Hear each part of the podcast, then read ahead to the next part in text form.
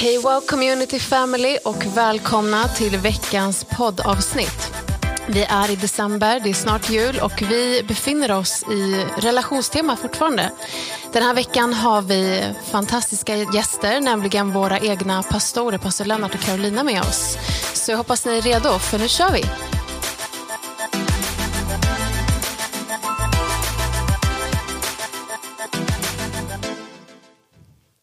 Hej och välkomna! Tack så mycket. mycket. Pastor Lennart, Carolina. Tack. Känns det bra att vara här? Känns jätteroligt. Jaha, Det är andra gången. Jätteroligt. Vi sa det precis här innan att ert avsnitt är det som flest personer har lyssnat på. Oj, Wow. Hur känns det? Det senaste ni hade? Ja, det känns... det var ganska långt så det måste vara ganska jobbigt att lyssna på. Ja. Ni sa många bra saker. ja. Nej, men det är jätteroligt att, Roligt att att det har varit populärt. Det är fantastiskt. Vi befinner oss ju i december månad och det är snart jul. Vad är det bästa med julen för er? Vad ni älskar mest? ja, det är ju så mycket. Men hjärtat av julen är ju just att man får tid att vara med sin familj på ett annat sätt. Och med de som står en nära. Men sen kommer ju allt det andra runt omkring. Att det blir ju en sån fest. Och att vi behöver det på något sätt. Vi behöver det här avbrottet och vi behöver stämningen, dofterna, musiken, närheten, i julklapparna för att uttrycka kärlek. Ja. Så att det är så mycket i julen. Ja. Jag älskar ju lussebullar. Och eh, jag vet inte, det är som att jag får inte nog av de här lussebullarna. Det, Man längtar Det- efter dem hela året, Ja. man håller sig. Och sen är det någonting speciellt. Jag vet inte, man har väl med sig från barndomen kanske också att ehm, det ligger, även om inte förväntan kanske är riktigt lika stor längre som när man är vuxen, så, så är just det här med vilan, familjen, det här att bara kunna vara i det här ljuset som kommer i mitt i mörkret. Alltså det är en sån härlig milstolpe på något sätt. Igår så var vi hemma och vi fixade och donade lite hemma med barnen. Och då ville min man, som er son, då, absolut sätta på en låt. Och den skulle gå på repeat med Carola och, eh, vad hette han nu då? Eh, Christer Sjögren. Christer Sjögren. Ja. Juletid tror jag den hette. Ja, någonting. och den fick gå på repeat. Och han sa den här spelade vi alltid när jag var liten. Och min pappa gick och sjöng på den låten. Det är otroligt. För vi, Alltså var ute, där har jag mycket känslor. ja, och vi var ute och julhandlade lite igår. Vi, Och så kom det just den vi låten. var på Small of Scandinavia och Lennart började gråta igår på kaféet. Ja, det är så otroligt. Vi tog en cappuccino och satt där och så började han gråta. Nej, jag, har, jag har så mycket minnen Ja. alltså, när vi står i köket där. Och alla barnen I Huddinge när vi bodde oss. där. Och alla bakade pepparkakor och lussebullar och den här låten gick där. Och det var, nej, det var så vackert. Alltså, Ja. Otroligt mycket minnen jag har ja, där. tänk vad sånger kan väcka till Ja. liv inom en. Det är helt otroligt. Just Carolas platta med Christer Sjögren Ja, vi lyssnar ju på har den. ju, den sitter ju i Varje ryggmärgen på oss. Den får ni lyssna på Ja. allihopa. Den skapar julkänslor. Ja, Ja, så bryter härligt. vi ihop kanske. Ja. Ja. Nej, men vi har ju haft flera veckor här nu där vi har talat om relationer och eh, olika typer av relationer. Och idag så tänkte jag att vi ska ha fokus på äktenskap. Mm. Och ni är inte bara, bara mina pastorer utan ni är också mina svärföräldrar. Vi bor faktiskt till och med vägg i vägg. och eh, det känns ju speciellt. Ni är ju mina främsta exempel när det kommer till äktenskap. Och jag tror många av de som lyssnar känner samma sak. Eh, Så att det ska bli jättehärligt att få höra er, er vishet den här dagen. Och det är fler också som har skickat in frågor, så tänkte vi ska ta några av dem också. Men om ni bara nämner först, hur länge har ni varit gifta?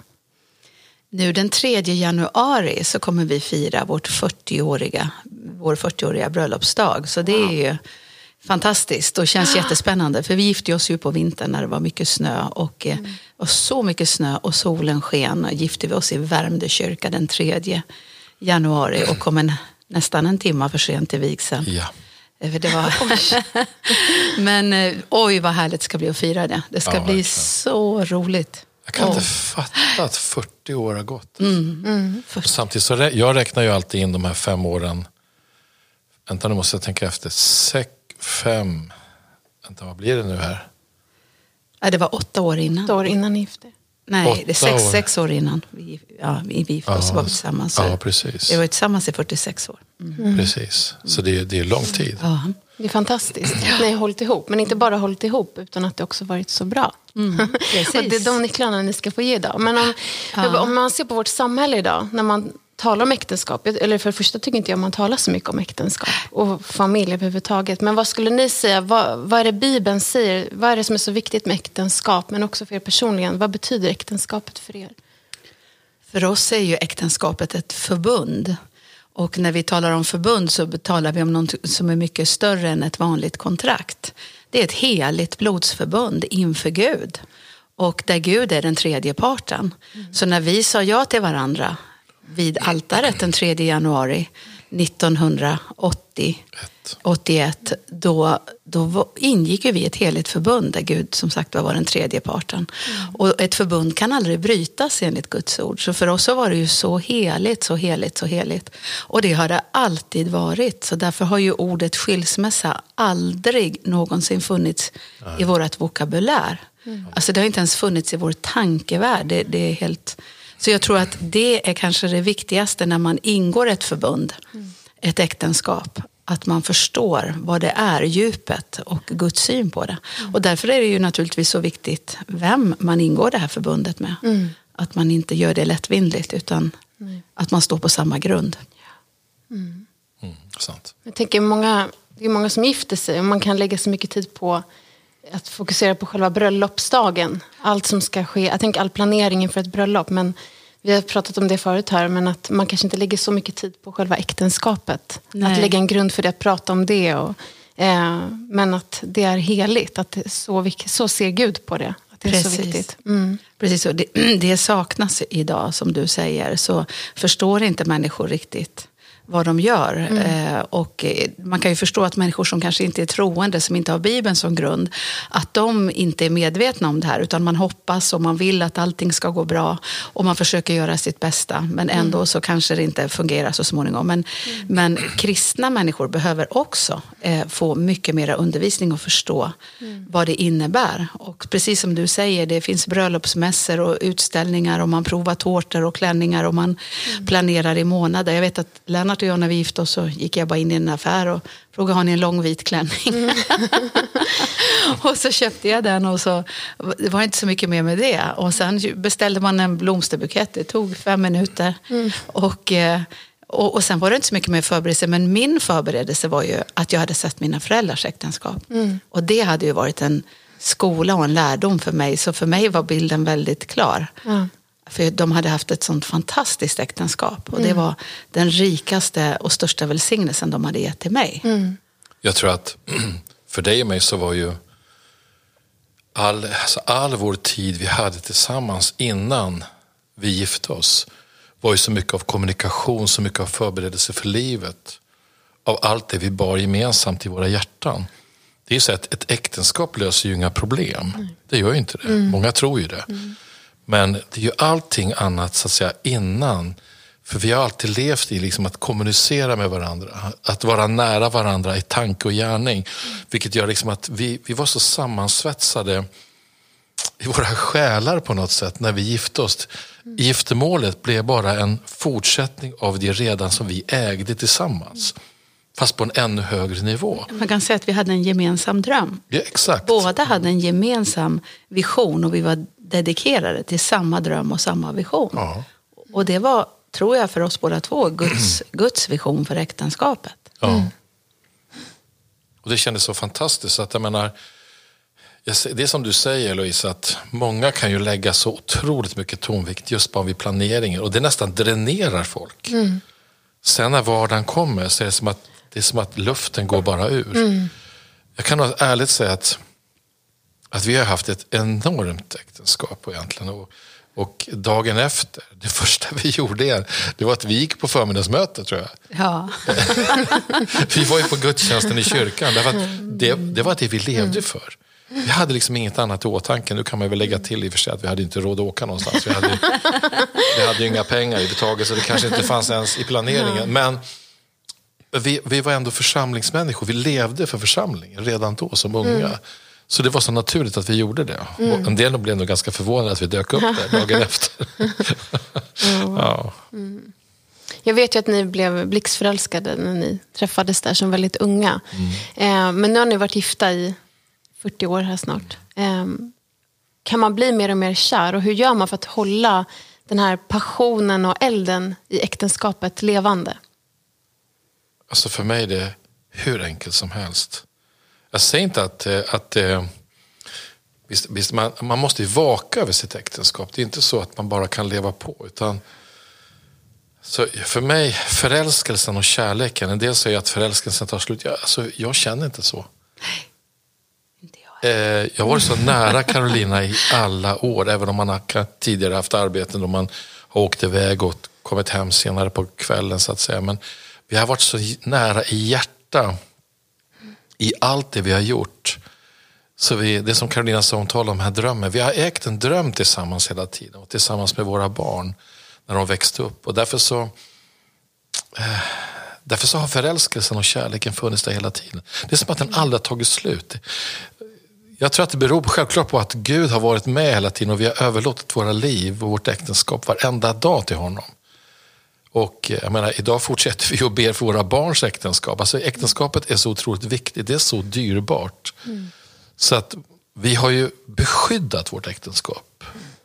Och vi har beskyddat också varandra. Och att vi, vi har tillåtit oss att alltid kommunicera att så fort det har kommit upp någonting, någonting som har oroat, mm. så har vi liksom tagit inför Gud och vi har också kommunicerat och alltid hittat en lösning. Vi har aldrig mm. dragit på någonting.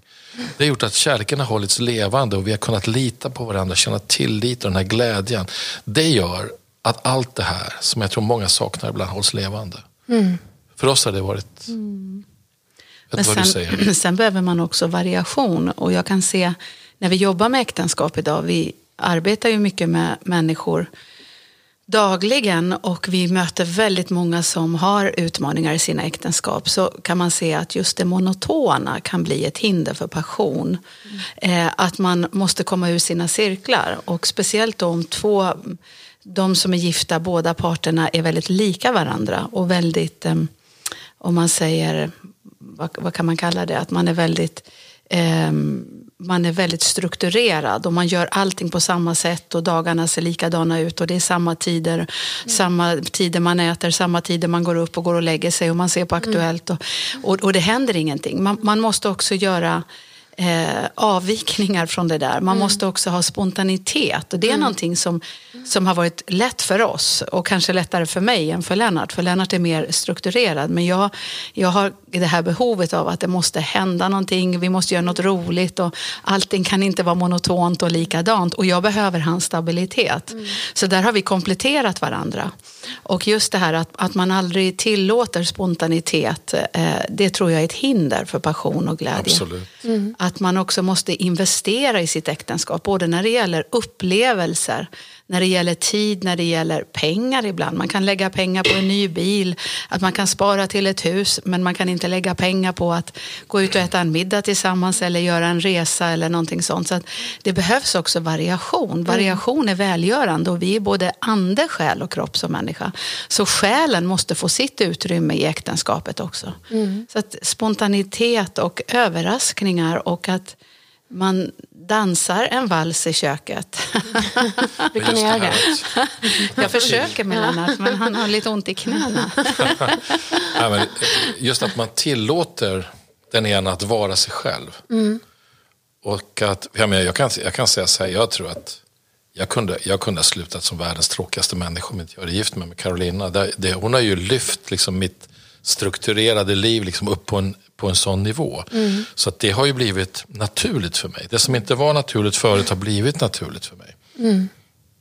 Och eh, det, det tackar jag Gud för och Carolina för. Att, mm. Men samtidigt är det så att en del kan ju stänga sig för förändringar. Mm. Då, då har man ett problem. Så det, det, är så underbart när man ger varandra utrymme i de personligheter man är. Mm, verkligen. Jag tror inte också att det har mycket att göra med så här, vad man värdesätter. För det har jag tänkt, jag tänker på de här prioritetsordningarna vi bruk, brukar prata om. Det första är vår relation med Gud, men sen kommer vårt äktenskap. Och jag skulle säga att det kommer faktiskt före våra barn. För om inte vårt äktenskap fungerar så kommer inte våra barn må bra heller. Nej. Men jag tror att man lätt kan tappa ja, ordningen. Om jobbet exakt. börjar komma före, om tjänsten börjar komma före. Eller man tappar bort varandra eh, liksom när man får barn. Men att just värdesätta varandra och hela tiden, som du var inne på, vaka över det. Mm. Vad tror ni det. Alltså det är så sant det du säger. Absolut. För jag, jag tror att det är väldigt lätt att man blir mamma och pappa. Man får Ja. sitt första barn. Mm. Allting kretsar runt det här lilla barnet som man får. Och sen plötsligt får man ett barn till. Då inser man det var ju ingenting att ha ett barn. Nu har Mm. vi två här helt plötsligt. och sen får man sitt tredje. Så tänker man det var ju rena semestern att ha två. Ja. Jag, är där nu. Du är där nu Louise. Ja. Men, men just det att inte vara mamma och pappa bara. Mm. utan man och kvinna. Att man är ett älskande par som har behov av romantik och närhet. Och då måste man investera i det. Mm. Så för oss var det ju så att varje höst, varje vår så gjorde vi en resa utan barnen Mm. under hela barnens uppväxttid. Och man levde ju på det i flera veckor, att vi fick egen tid att bara se varandra. Och kunna prata utan att bli avbruten och se varandra in i ögonen och, Mm. Ja. och njuta av livet. Precis. det är så otroligt viktigt att man, som du säger Louise, är man och kvinna innan man är mamma och pappa. Det kommer barnen bli välsignade av. Pastor Cesar Castellanos har ju sagt att den dyrbaraste gåvan eh, eh, någon kan ge sitt barn eh, det är en pappa som älskar sin mamma. Eh, och det är ju ömsesidigt också från kvinnan till mannen, att de ser den här kärleken. Det är den finaste gåvan vi kan ge till barnen. Att aldrig behöva vara oroliga för att mamma och pappa ska skiljas eller att de är osams eller att de inte är nära varandra. Så bra. Ja. Eh, apropå barn och sådär. Hur, eller vad vill ni ge för råd när det kommer till småbarnsåren? För jag tänker det är ju väldigt, det är mycket när man får barn. Eh, och man måste ju också ge tid till sina barn och det är mycket i vardagen allt där. Hur tog ni er igenom de åren? Finns det några råd? Eller någonting kanske där ni kände oj det här var inte bra eller, eller något råd ni vill ge som gjorde att ni tog er igenom de åren på ett väldigt bra sätt? Eller? Jag vill då säga kanske en nyckel som jag upplevde under barnaåren. För vi behövde jobba för vi hade väldigt dålig ekonomi. Och det var knappt så vi hade mat på bordet ibland. Så vi, trots att vi jobbade väldigt hårt. För jag var lågutbildad och eh, Lennart han eh, hade inte så, så mycket lön heller. Eh, och vi hade dyra omkostnader, det var dyrt att leva och fyra barn. Men det som jag lärde mig det var att kvalitet är så viktigt i förhållande till kvantitet. Man önskar att man, jag, min dröm har alltid varit att få vara hemmafru. Jag, vi- det var min dröm att få vara hemma och vara med barnen hela tiden. Och så fort jag fick vara hemma vissa dagar så var jag överlycklig. Men jag kunde ju inte det på grund av ekonomiska skäl. Och då var det så viktigt att, att fokusera på kvalitetstiden med barnen. Och det kan jag se som en stor utmaning idag där telefonen och media har kommit in så starkt. Att barn sitter med telefoner, föräldrar sitter med telefoner. Men om jag bara har två eller tre timmar med mina barn på kvällen för att de har varit på dagis hela dagen, då måste jag ge barnen full fokus eh, på min lediga tid. Och även på morgonen är så viktig, det är ju grunden för hela dagen. Att jag ser dem, att man ser barnen in i ögonen, att man ger dem fokuserad uppmärksamhet. Att man verkligen ger dem fokuserad uppmärksamhet på kvällen när man nattar dem. Den här stunden då man sitter på deras säng och läser kanske barnens bibel och ber och, och, och, och liksom också är känslig för vad barnen går igenom, vad de säger, vad de känner. Vad hjärtat är fullt av talar munnen. Så när barn pratar mycket om någonting så behöver man ta reda på vad, liksom, vad står det här för och finns det någon oro, finns det någonting. Att man alltid är nära barnen på ett fokuserat sätt. Och det här är, är, är svårt ibland, det är en utmaning när man träffar barnen mycket. Att man glömmer bort, man ser dem men man ser dem inte. Men just den här fokuserade kvalitetstiden. Eller som jag såg er här om morgonen Louise, var det på lördagen. Jag såg igenom fönstret hur du och Micke tog barnen och gick ut i skogen, gick upp på berget. Ja. Att man bara går ut i naturen. Man såg de var överlyckliga när de trampade iväg med er. att liksom just den här kvalitetstiden, att vi gör någonting som barnen tycker är roligt. Och för ett barn att få sitta med en liten termos på en sten i skogen även om det är november eh, och, och, och dricka någonting. För det gjorde jag med mina barn ibland. Tog dem till Hellasgården och, och man gick runt där. Alltså det, det, det går ju inte att ersätta med ett nytt program på, Nej. på nätet eller på mobilen. Eller, Vi har faktiskt eh, satt en regel hemma så att barnen får inte titta på skärmar under Nej. veckan överhuvudtaget. Inte morgon, inte kväll, eh, inte efter förskolan. De får titta på helgerna en del. Jättebra. För att vi känner att det, alltså, man lever i den här världen och det är så lätt att man bara följer med i det. Och man, man, liksom, man tappar ju tid med dem. Så Absolut. Så bra. speciellt. Klart när jag ser mig tillbaks så var det så som Carolina säger, vi hade ju ganska... En period vi hade väldigt svårt ekonomiskt och då hade jag två jobb. Eh, Skulle jag se tillbaks eh, på den tiden så skulle jag ju vilja förändrat en hel del. Eh, Samtidigt så vet jag också att när jag, när jag frågar mina barn så att säga, om den här tiden så är det inte så mycket de minns av att jag var borta så mycket. Men faktiskt under fem års tid så åkte jag vid halv sex på morgonen. Jag hade ett jobb, kom hem klockan sex. Då bytte jag om och så åkte jag som Securitasvakt. Jag jobbade som säljare på dagarna. Åkte jag till secur som Securitasvakt och kom hem ungefär vid två på natten. Och gjorde jag måndag till fredag i fem år. Jag såg knappt mina barn. Jag Fast såg du inte var hemma en liten stund innan du åkte så då fick du den där Ja. kvalitetstiden.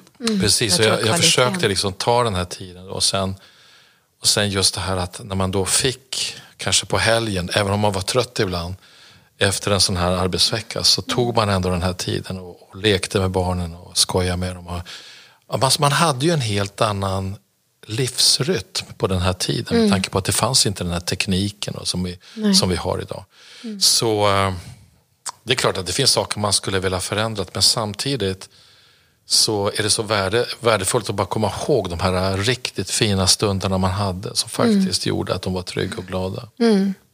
Det är så verkligen som du säger. Jag, min mamma är ju flygvärdinna, eller har varit hela min uppväxt. Hon var ju borta mycket. Ja. Men jag har nästan inga minnen av att hon var borta. Jag har ingen känsla av att hon var frånvarande för mig. Och jag tror det måste ha att göra med att när hon väl var med oss så var, var hon verkligen där närvarande. Ja, det är så speciellt hur man som barn, vad man tar in. Ja.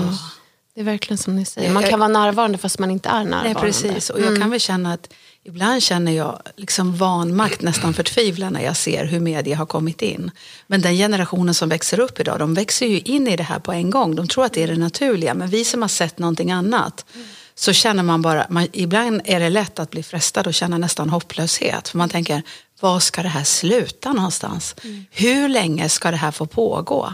Att alla sitter med sina mobiler hela tiden. Att vi kan inte ens sitta vid middagsbordet utan att mobilen är där. Precis. Att barnen sitter i ett annat rum hela tiden med sina mobiler. Det, det, det, jag tror att vi, någon måste stå upp och bara ropa stopp. Ja. Och var och en måste ta ansvar för hur ska vi leva i den här tidsåldern som vi lever i. Och då är det så bra som du säger Louise, att bara en liten stund på helgen. Precis. Ehm, vi har varit inne lite på kommunikation här. Men det var någon som skrev den frågan också. Varför är det så viktigt att kommunicera och hur blir man bra på att kommunicera? Ja. För det första har det alltid varit så naturligt för oss att kommunicera. Därför att nu är, vi, nu är det väl kanske så att en del kanske får kämpa mer med att kommunicera. En del är lite tystare, lite mer introverta. Och eh, jag har lärt mig kommunikationen i våra äktenskap. Därför att jag kanske kommer från en familj som inte var speciellt kommunikativ. Och eh, fick nog mer eller mindre en chock när jag kom in i Carolinas familj. Där allting var väldigt, eh, vad ska man säga, utanpå. Känslorna, Trans, transparent. ja, transparent, mera öppet och så vidare. Men jag såg just vad härligt det var, därför att det skapar en sån trygghet. Kommunikation skapar trygghet, alltså det skapar förståelse. Och eh, egentligen så handlar det hela tiden om att våga kommunicera. Att våga liksom tala, att våga kliva in i situationer, att inte liksom kliva tillbaks hela tiden, utan våga gå in i relationer och prata och ställa frågor. Eh, alltså allt det som finns i en, annars så bara bunkrar man liksom allt det här som finns i en. Och det, antingen så kommer det bara läggas ett lock på det och det, det kanske egentligen bara dämpar hela ditt liv eller så blir det en slags explosion. I vårt förhållande så har det alltid varit naturligt att bara öppna våra hjärtan i varenda situation och vi har alltid gett varandra utrymme att prata, att kommunicera. Och det, det har varit så naturligt för oss hela tiden. Men jag vill säga som svar på den frågan till den som frågar och undrar. Det är så att utan kommunikation så byggs det upp murar och barriärer mellan två parter i ett äktenskap. Därför tankar reser sig upp. Bibeln talar ju i, i, i, i, i Korintierbrevet, andra Korintierbrevet 10 och 4 om tankebyggnader som reser sig upp mot kunskapen om Gud och att vi bryter ner de här tankebyggnaderna. Och det, det är så i ett äktenskap också, att det byggs upp tankebyggnader och murar och man antar och man misstänker och man missförstår. Det, allt det här blir murar och barriärer som, som separerar istället för integrerar eller gör att vi blir ett med varandra. Och därför måste vi hela tiden om vi ska bevara ett starkt äktenskap med närhet, intimitet och trygghet så får vi aldrig tillåta de här murarna att resa sig. får aldrig komma murar. Och därför så måste vi anstränga oss att förstå den andra personen och att nå varandra och lära oss hur vi kommunicerar. Det är ett jätteviktigt arbete. Så lika mycket som man planerar ett äktenskap när det gäller tårta och mat och, och kläder så behöver man eh, ta reda på hur ska vi lära oss att kommunicera med varandra på ett sätt. Och att man då också lär sig att göra det vid rätt tillfälle. Eh, för också att välja tid för kommunikation är också viktigt. Att man inte säger det precis när den ena ska gå ut genom dörren på morgonen mm. utan att, att man har när ge mannen mat först, mm. säger jag på bibelskolan. ja, så, och att han har fått vila lite. Mm. Och sen när barnen har somnat så kan man säga, älskling, jag vill säga någonting som jag upplevde. Ja. Istället för att säga, du gör så här och så här. Mm. Om, om kommunikationen blir i en anklagande ton mm. vid fel tillfälle, ja. då kommer den inte att bryta ner de här murarna som vill segregera, utan tvärtom så kommer murarna resa sig ännu högre och bli mm. ännu tjockare. Så kommunikation är ett ämne man måste lära sig och bli duktig på Mm. Och då är det så bra att man kan be den helige ande om hjälp. Mm. För han är ju vishets, råds och starkhets ande. Mm. Så därför om man har ett problem, det bästa är att alltid börja be för i sådana fall. Om man känner det här är lite känsligt. Hur, mm. hur ska jag säga det här? När ska jag säga det? På vilket sätt ska jag säga det? Så tar man med, det är det som är så underbart, tar man med den helige ande eh, och ger honom en aktiv roll i vårt äktenskap mm. så, så blir det så underbart för varenda gång man har kommunicerat om något som är känsligt och sår, kanske den andra är lite sårbar eller man själv är sårbar, så kommer man alltid närmare varandra. Det blir som ett kitt som stärker oss ännu mer i den här relationen. Mm. Så det är därför alla de här, och ibland kan det bli Alltså vissa, vissa kommunikationstillfällen är lätta, andra är svårare. Det blir som mm. ett litet världskrig. Mm. Eh, men när det här världskriget har lagt sig så blir det så otroligt starkt. Mm. Och man vet att det här misstaget gör vi aldrig om igen. Eh, om, om jag sårade dig när jag gjorde så här kommer jag aldrig någonsin att göra det efter mm. det här kriget vi har haft nu. Och så blir man så trygg istället. Ja. Så att då behöver man aldrig ens prata om det här igen många gånger. Utan nu vet vi vad vi har varandra mm. och så här ska vi ha det. Mm. Formandet är inte farligt. Nej, precis. Bara man vågar mm. kliva in i det. För jag menar, formande det är någonting som egentligen man råkar ut för hela livet. Och om, man, om man inte, det som vi brukar säga det är så att faran är alltid när man tar saker och ting personligt hela tiden. Mm. Men om man kan se liksom att livet är liksom ett slip en slipande process hela tiden. Och man kan se att det är fantastiskt egentligen. Mm. Att man kan gå framåt, man kan förändras. Allting kan egentligen bara bli bättre. Mm. Bara man vågar kliva in och bli formad. Mm. Och ta emot det. Mm. Men sen kan man säga grunden för all god kommunikation för att den ska lösa sig så att den inte blir utdragen och långdragen. Mm. För beroende på vilken personlighet vi är så kan en del behöva lång betänketid att processa, att smälta och att förlåta. Och det måste man akta sig för om man har den läggningen. Mm. Man måste vara snabb att förlåta. Mm. Och sen får Gud hela det som behöver helas. För ibland tar det tid för ett känsloliv att helas efter en kontrovers eller ett misstag eller någonting som har hänt. Men vi måste vara snabba att förlåta och glömma och inte dra upp det igen. Så förlåtelsen kan vi inte nog betona. Nej. Och ibland behöver man inte göra en sak av allting också. Mm. Utan om den andra har en dålig dag så kan jag tänka, jag behöver inte processa det här nu. Nu mm. låter han irriterad när han kommer hem. Men han är trött, eller han är ledsen, eller han är orolig. Men då behöver inte jag ta det personligt och sen göra en scen av det. Utan då säger jag till, om, jag, om Lennart är sån, då säger jag, idag var du lite dum, men det, det gör ingenting, nu går vi vidare. Fast det händer ju väldigt sällan. Ja.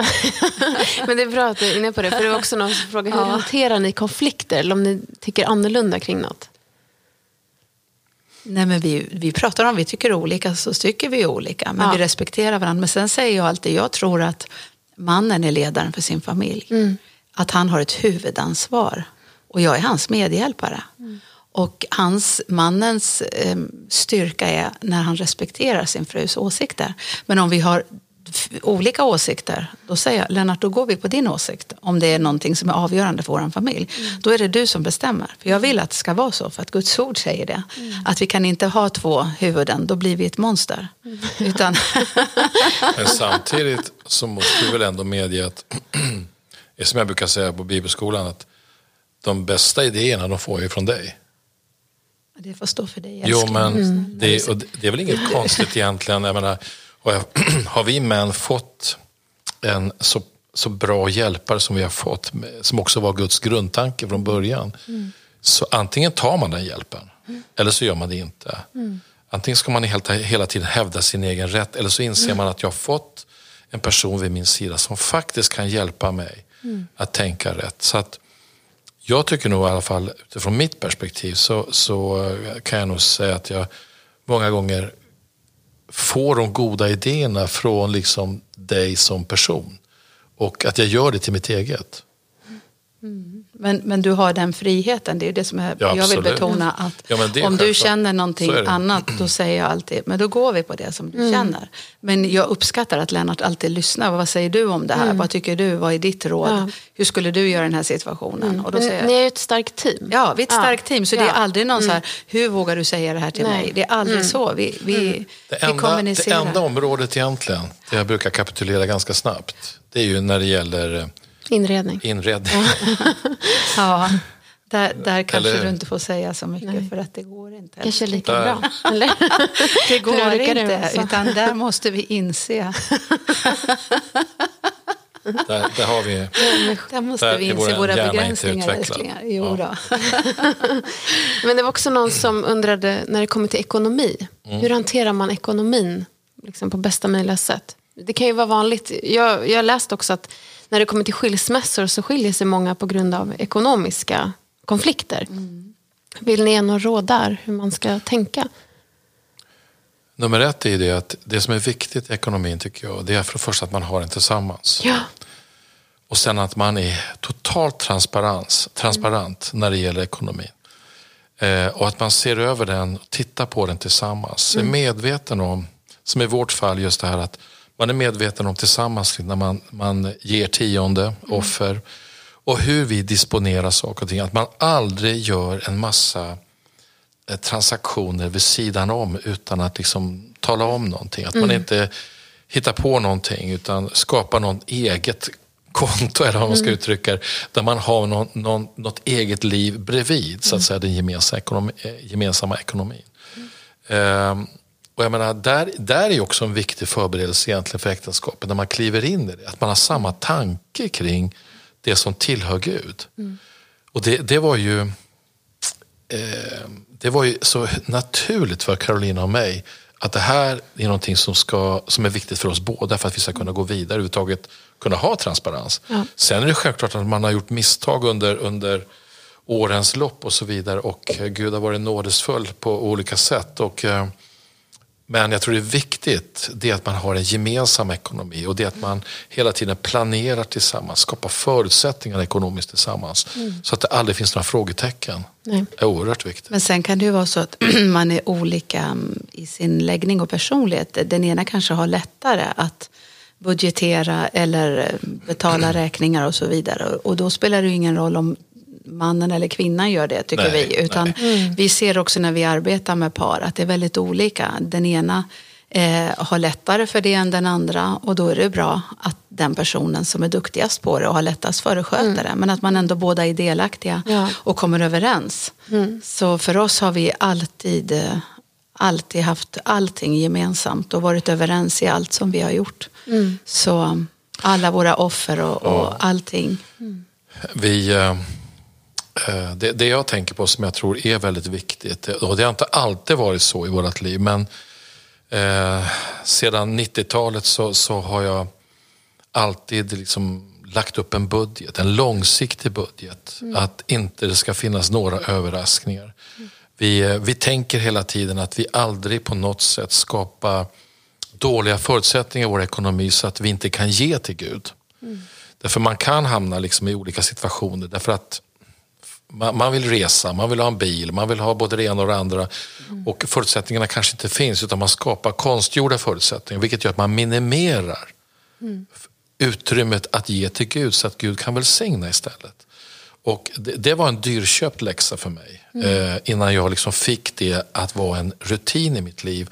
Att, att se till liksom att det fanns en ekonomi som fungerade verkligen. Därför man gjorde sina, när man var ung så gjorde man sina felaktiga beslut och så vidare. Och det, det, det, hade, ett, eh, det hade dyrköpta konsekvenser.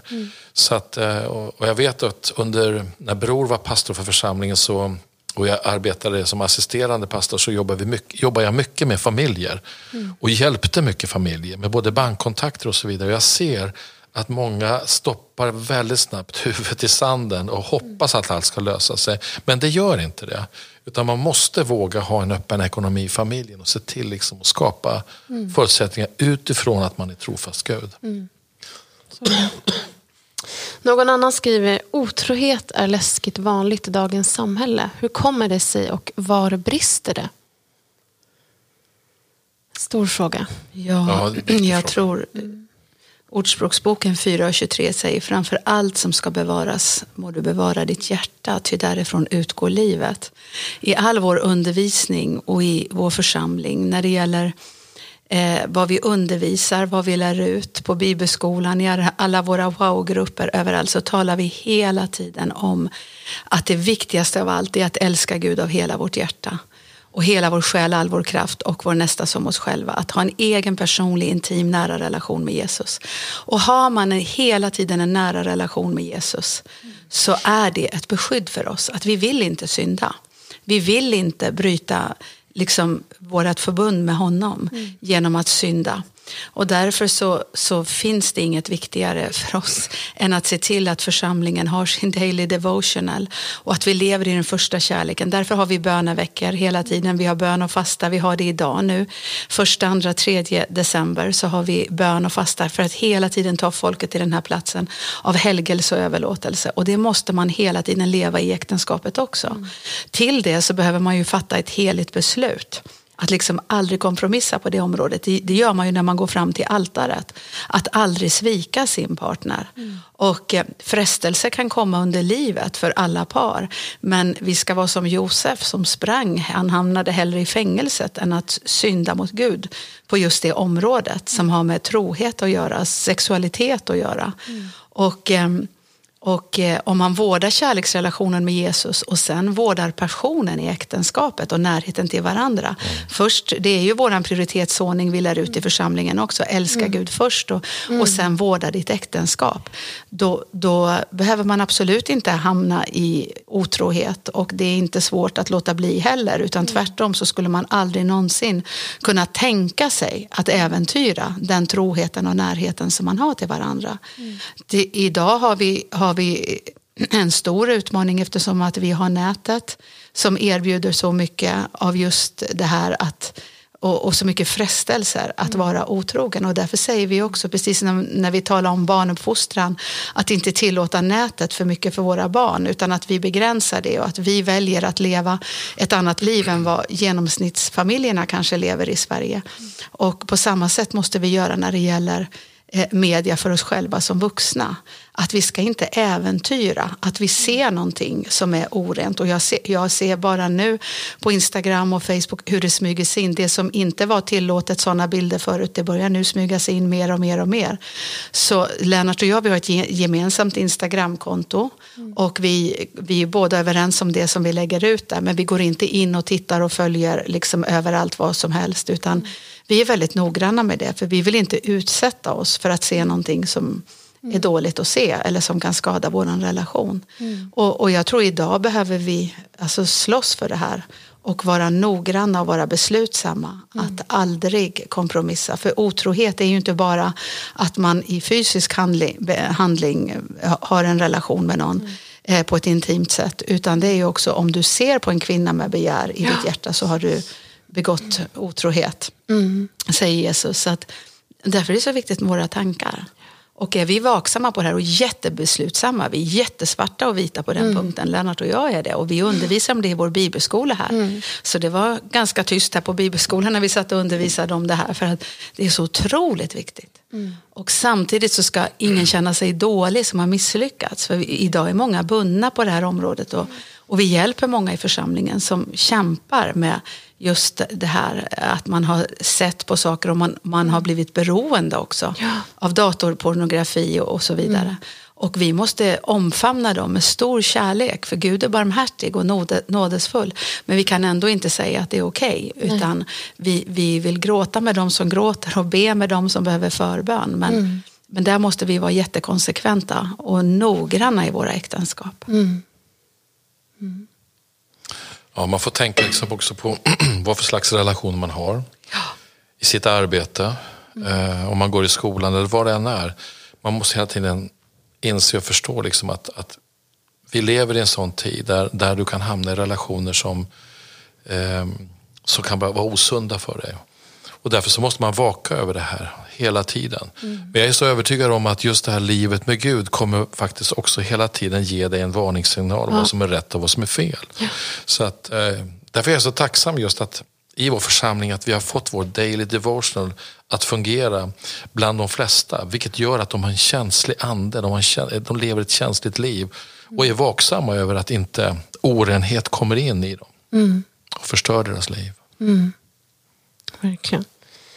Vi ska börja gå lite mot avslut här snart. Vi skulle kunna sitta och prata en hel dag, en hel vecka känner jag. Ehm, men vi lever i en lite speciell tid. Vi är ganska isolerade just nu, ganska ensamma. Vi är mycket i hemmet.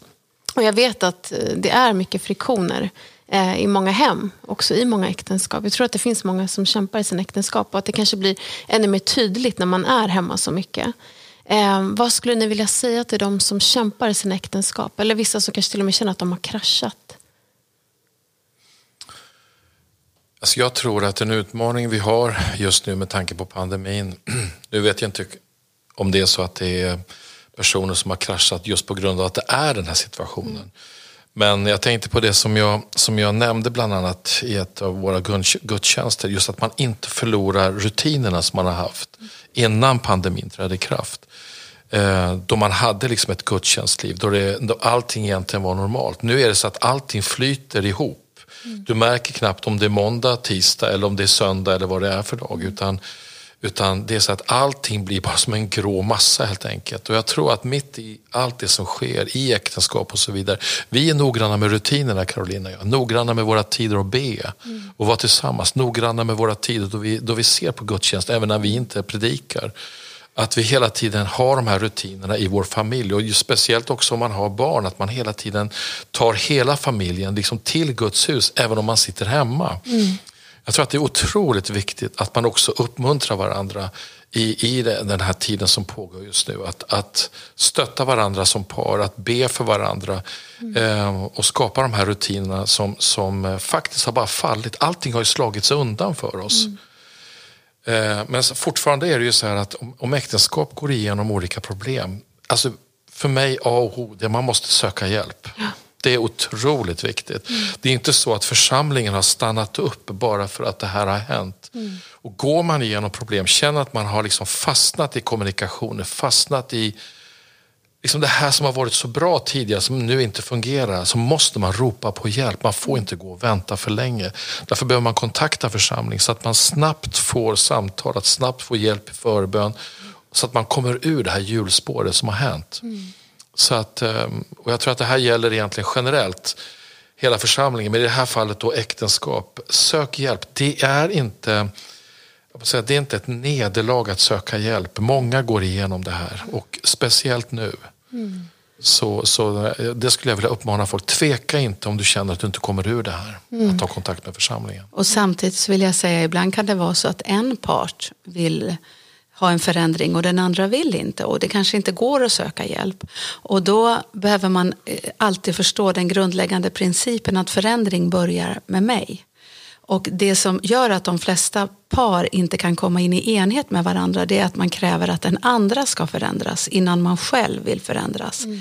Det är nästan det största eh, knuten i, i de som har vad heter det, äktenskapsproblem. Så därför så vill jag bara utmana om någon lyssnar på det här och säger att mitt äktenskap är inte bra just nu och eh, vi, vi kan inte nå varandra. Då vill jag bara ge dig det rådet att börja förändras själv. Gå ner på dina knän själv. Be Jesus om förlåtelse. Be Jesus om nåd och hjälp och börja så in kärlek i den andra personen. Därför att Guds kärlek, säger Romarbrevet 5, är utgjuten i våra hjärtan genom den helige ande som har blivit oss given. Det betyder att även om andra inte visar oss kärlek så kan vi flöda i agapekärlek, Guds kravlösa kärlek. Så den är starkare som kan böja sig, ödmjuka sig och förlåta innan den andra har vänt om. Mm. Så kan man göra det, bara säga Gud hjälp mig att visa min man kärlek eller min fru kärlek, även om jag inte får någonting tillbaka, även om det bara är hårda ord, men jag ska fortsätta mm. och vara uthållig. Då kommer en förändring att ske med Guds mm. hjälp. Så ibland så får man gå en sträcka lite ensam när man har problem. Och ibland är det så att vi har så många ibland som söker oss också så det är inte alltid vi hinner heller hjälpa, hjälpa alla som har problem. Mm. Och jag vet att många har utmaningar just nu men, men Gud är där i ditt hem, i din mm. familj. Och han hör dina böner när du går ner på dina knän och när du är villig att säga Gud förändra mig, ta bort mitt stenhjärta och ge mig ett hjärta av kött. Hjälp mig att kunna nå min livskamrat och börja be ut Jesu blod över allt. För blodet kan absorbera alla de här schismerna som har kommit in mellan er. Så att ni kan komma in i enhet igen. Mm. För som sagt var, kärlek och äktenskap är ett arbete. Det är en trädgård. Mm. Och den måste få vatten av förlåtelse och, och regn av kärlek hela tiden. Och då kommer det, i sinom tid så kommer det en underbar skörd. Mm. Amen. Amen. Så bra nycklar. Slutligen då, det finns säkert de, många som lyssnar också som inte är gifta än. De har fått väldigt bra nycklar för framtiden. Men vad skulle du vilja säga till de som inte är gifta än? Vad har de att se fram emot? Vad är det bästa med att vara gift? Det är bättre att vara två än en för de får större vinning av sin möda. Mm. Så man är lite haltande när man är ensam och många känner av det här och många längtar efter en livskamrat. Men jag säger det bästa du kan göra för att få en livskamrat är att söka Guds rike först. Och det säger du, ja det har jag hört så många gånger men det händer ingenting. Vad jag menar med det, jag menar lev ett heligt och överlåtet liv.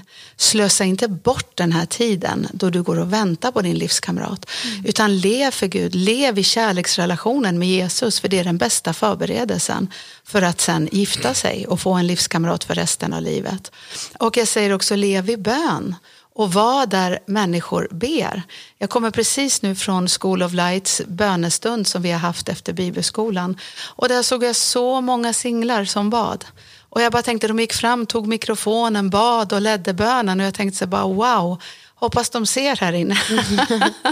att liksom, vilka hjältar. Min pappa sa alltid till mig, Carolina, du ska hitta din livskamrat i bönerummet i kyrkan. Mm. Han sa så här, gå ingen annanstans och leta efter en livskamrat. Titta vilka som ber.